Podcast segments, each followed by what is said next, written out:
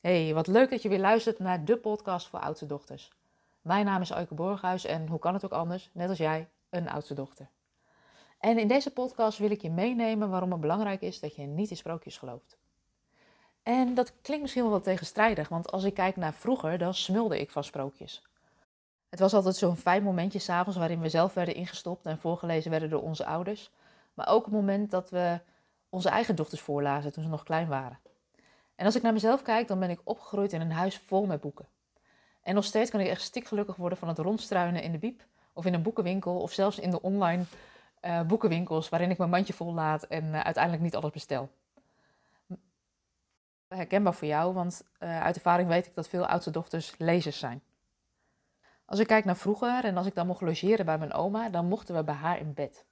En dan las ze ons ook voor uit een geïllustreerd sprookjesboek met de sprookjes van Grimm.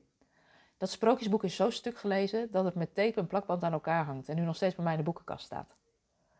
Als ik achteraf terugkijk naar de verhalen die we als meiden voorgelezen kregen, of als vrouwen voorgelezen kregen, en wat ik onze dochters ook voorlas, dan waren het vaak sprookjesboeken. En nou lijken sprookjesboeken best wel onschuldig, maar als je wat meer gaat verdiepen in die sprookjesboeken, dan merk je eigenlijk dat er een hele dubbele lading in die boeken zit. Want veel van die sprookjesboeken met die verhalen gaan erover dat je vooral op het pad moest blijven, want anders vrat de wolf je op. Het sprookje Roodkapje. Dat je een veredelde schoonmaakster bent voor je stiefmoeder. Het sprookje Assenpoester. Dat je vervloekt wordt en alleen wakker gekust kunt worden door een prins. Door een roosje. Dat je vergiftigd wordt als je te mooi bent en je stiefmoeder jaloers is. Sneeuwwitje. En ook dat je alleen gered kan worden door een prins. In die verhalen die we voorgelezen kregen en zelf voorlazen aan onze kinderen, als ik kijk naar mezelf, dan zit daar eigenlijk al een boodschap in.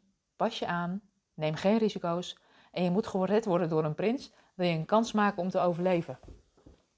En ik denk dat het goed is dat we ons daar bewust van worden. Want wat je leest, dat heeft invloed op uh, uh, wat je, ja, hoe je je ontwikkelt of wat je tot je neemt. En zo had ik zelf laatst een podcast beluisterd waarin Abby Wamberg werd geïnterviewd. En naar aanleiding van die podcast heb ik ook haar boekje besteld, Wolfpack. En Abby is een voormalig profvoetballer en coach van het Amerikaanse voetbalelftal. En wat zij beschrijft in haar boekje is dat we niet netjes op de gebaande paden hoeven te blijven. Haar statement in het boekje is: We zijn Roodkapje niet, we zijn de wolf. Roodkapje is eigenlijk het aangepaste meisje. En de wolf is wie je diep van binnen bent. Je nieuwsgierigheid, je talent, je identiteit, je moed, je dromen.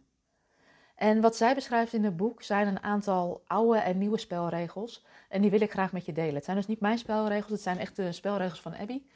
Uh, maar ik vond ze wel zo inspirerend dat ik ze met je wil delen.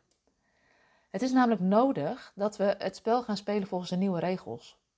Maar wat zijn dan die oude en nieuwe regels? Nou, de eerste regel is durf af te wijken van het pad. Wat we eigenlijk van jongs af aan al hebben geleerd is, wijk niet van het pad af. Dat is ook de boodschap uit het sprookje. Blijf op het pad en alles zal goed komen. En een nieuwe regel is, creëer je eigen pad. Want al het mooie dat je overkomt, ligt niet op het uitgestippelde en bedachte pad, maar juist in de afslagen die je neemt. De volgende is, wees dankbaar en ambitieus. De oude regel is, wees dankbaar voor wat je hebt. En de nieuwe regel is, wees dankbaar voor wat je hebt en eis op waar je recht op hebt. Wat Abby bijvoorbeeld ontdekte, is dat zij aan het eind van haar carrière als profvoetballer een baan moest zoeken, terwijl haar mannelijke collega's met pensioen konden. Die loonkloof die is er dus nog steeds tussen mannen en vrouwen. En wat zij beschrijft in haar boekje is dat we als vrouwen vaak zo dankbaar zijn voor de kansen die we krijgen, dat we, we vergeten onze stem te gebruiken en ook die gelijkheid op te eisen, ook in wat we bijvoorbeeld verdienen. Als ik kijk naar mezelf, um, dan, dan weet ik nog bijvoorbeeld dat ik een baan had in loondienst. En um, op het moment dat je dan een hele goede beoordeling krijgt, dan zou je een bonus krijgen. En wat er bijvoorbeeld gebeurde in uh, die hele beoordelingscyclus, is dat mijn mannelijke collega's vanzelf die bonus kregen met de beoordeling. En dat ik erom moest vragen. Ik heb erom gevraagd en op basis van, van mijn beoordeling had ik ook recht op die bonus en ik heb hem ook gekregen. Maar als ik niks had gevraagd, had ik hem gewoon niet gekregen. Dus wees dankbaar voor wat je hebt en vraag ook waar je recht op hebt. Als je het hebt over leiding geven, de oude regel die we vaak geleerd hebben is wacht op toestemming om leiding te geven. En de nieuwe regel die we zouden mogen toepassen is geef nu leiding waar je ook bent. En leiden is geen titel die de wereld je geeft, maar het is een geschenk dat jij aan de wereld geeft. Wacht niet langer om de leiding op je te nemen. En leiding opnemen, dat kan heel zwaar klinken, maar het begint met de leiding nemen over je eigen leven en je eigen werk en de keuzes die je daarin maakt. Een van de dingen is uh, vooruitkomen om te falen. Heel vaak beginnen we niet aan dingen omdat de oude regel lijkt te zijn: falen betekent dat je bent uitgeschakeld. Maar dat klopt eigenlijk niet, want de nieuwe regel is: falen betekent dat je eindelijk in het spel zit. Wat belangrijk is, is dat we de gedachte: wat als ik faal, gaan vervangen door een belofte aan onszelf. Wanneer ik faal, blijf ik volhouden. Als je ontwikkelt, dan kan het niet anders dan dat je af en toe op je bek gaat.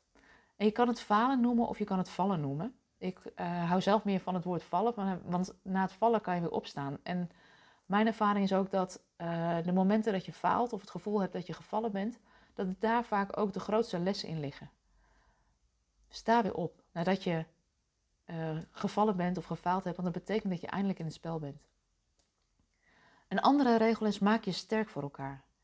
En de oude regel die we vaak hebben geleerd is: wees tegen elkaar. Um, je moet beter zijn dan de ander. Maar de nieuwe regel zou mogen zijn: wees voor elkaar. We kunnen elkaar vaak onbewust afvallen of aanvallen. En belangrijk is dat we elkaar versterken, elkaar helpen. Want je wint niet alleen, je hebt elkaar nodig, dus wees er voor elkaar. En hierin is het ook belangrijk om je bewust te zijn. Want wat ik zelf bij mezelf ontdek, um, ondanks dat ik het niet wil, is dat ik soms nog best wel um, na kan denken over andere vrouwen die iets succesvols doen. Of dat ik daar best wel innerlijk kritiek op heb. Maar de vraag is, onderzoek eens bij jezelf um, hoe dat is. Als je bijvoorbeeld kijkt naar, naar de plekken op het schoolplein. Er is geen plek waar we zo hard zijn tegen elkaar als daar.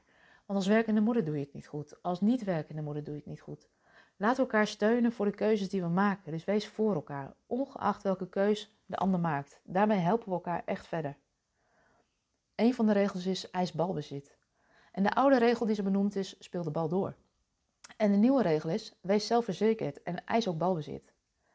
Heel vaak hebben we geleerd als meiden en als vrouwen om ons hoofd niet boven het maaiveld uit te steken. Doe maar gewoon, dan doe je al gek genoeg. Van hard werken is nog nooit iemand doodgegaan. Hoe inspirerend is het als een vrouw die in zichzelf gelooft, ja, zich voor de volle 100% geeft. Een vrouw die ergens heel goed in is en zonder zich te verontschuldigen uitkomt voor haar talenten. Een van de regels is ook geef alles. En de oude regel die we vaak kennen is leid met dominantie, creëer volgelingen. Dat is ook hoe het oude leiderschap uh, vormgegeven werd. Maar laten we daar de nieuwe regel tegenover zetten. Leid met menselijkheid, creëer leiders. En leiden vanuit menselijkheid is niet altijd makkelijk. Het vraagt moed om kwetsbaar te zijn of om je kwetsbaar op te stellen, om te luisteren. En dat is niet altijd makkelijk, maar wel zo de moeite waard.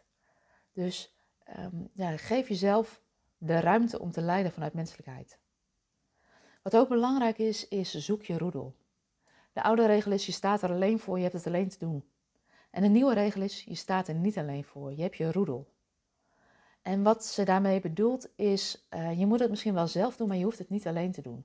Verzamel mensen om je heen die in je geloven. Verzamel mensen om je heen die je stimuleren. Verzamel mensen die zien in jou wat jij misschien nog niet zelf ziet.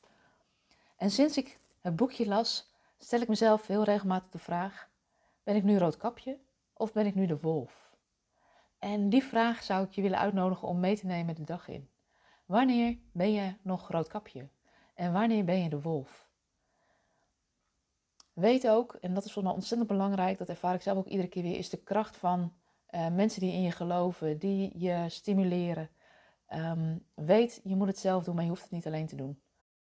Ik geloof erin dat als we zelf de leiding nemen over onze eigen levens en over de manier waarop we ons leven en ons werk vormgeven, dat we met elkaar het geheel kunnen versterken, dat we de wereld op een positieve manier kunnen veranderen. En dat is voor mij de reden dat ik ook zo graag met die oudste dochters werk, omdat ze dat leiderschap al van nature in zich hebben. En um, ik zou willen uitnodigen om daar een vervolgstap in te zetten. Dus mocht je nou voelen, hé, hey, ik merk dat ik nog te veel roodkapje ben en ik zou wat meer de wolf willen worden, um, weet dat je welkom bent voor een persoonlijk adviesgesprek. Dan kijk ik met je mee waar je nu staat, waar je naartoe zou willen en wat je zou kunnen helpen om, uh, om echt in beweging te komen en stappen te gaan zetten. Uh, mocht je daar nou interesse in hebben, stuur me dan even een berichtje op info.aikeborghuis.nl. Dan plannen we een afspraak in en dan ontmoet ik je graag. Voor nu wens ik je een hele fijne dag en ik gun je dat je meer de wolf bent vandaag dan roodkapje. Dus uh, veel plezier!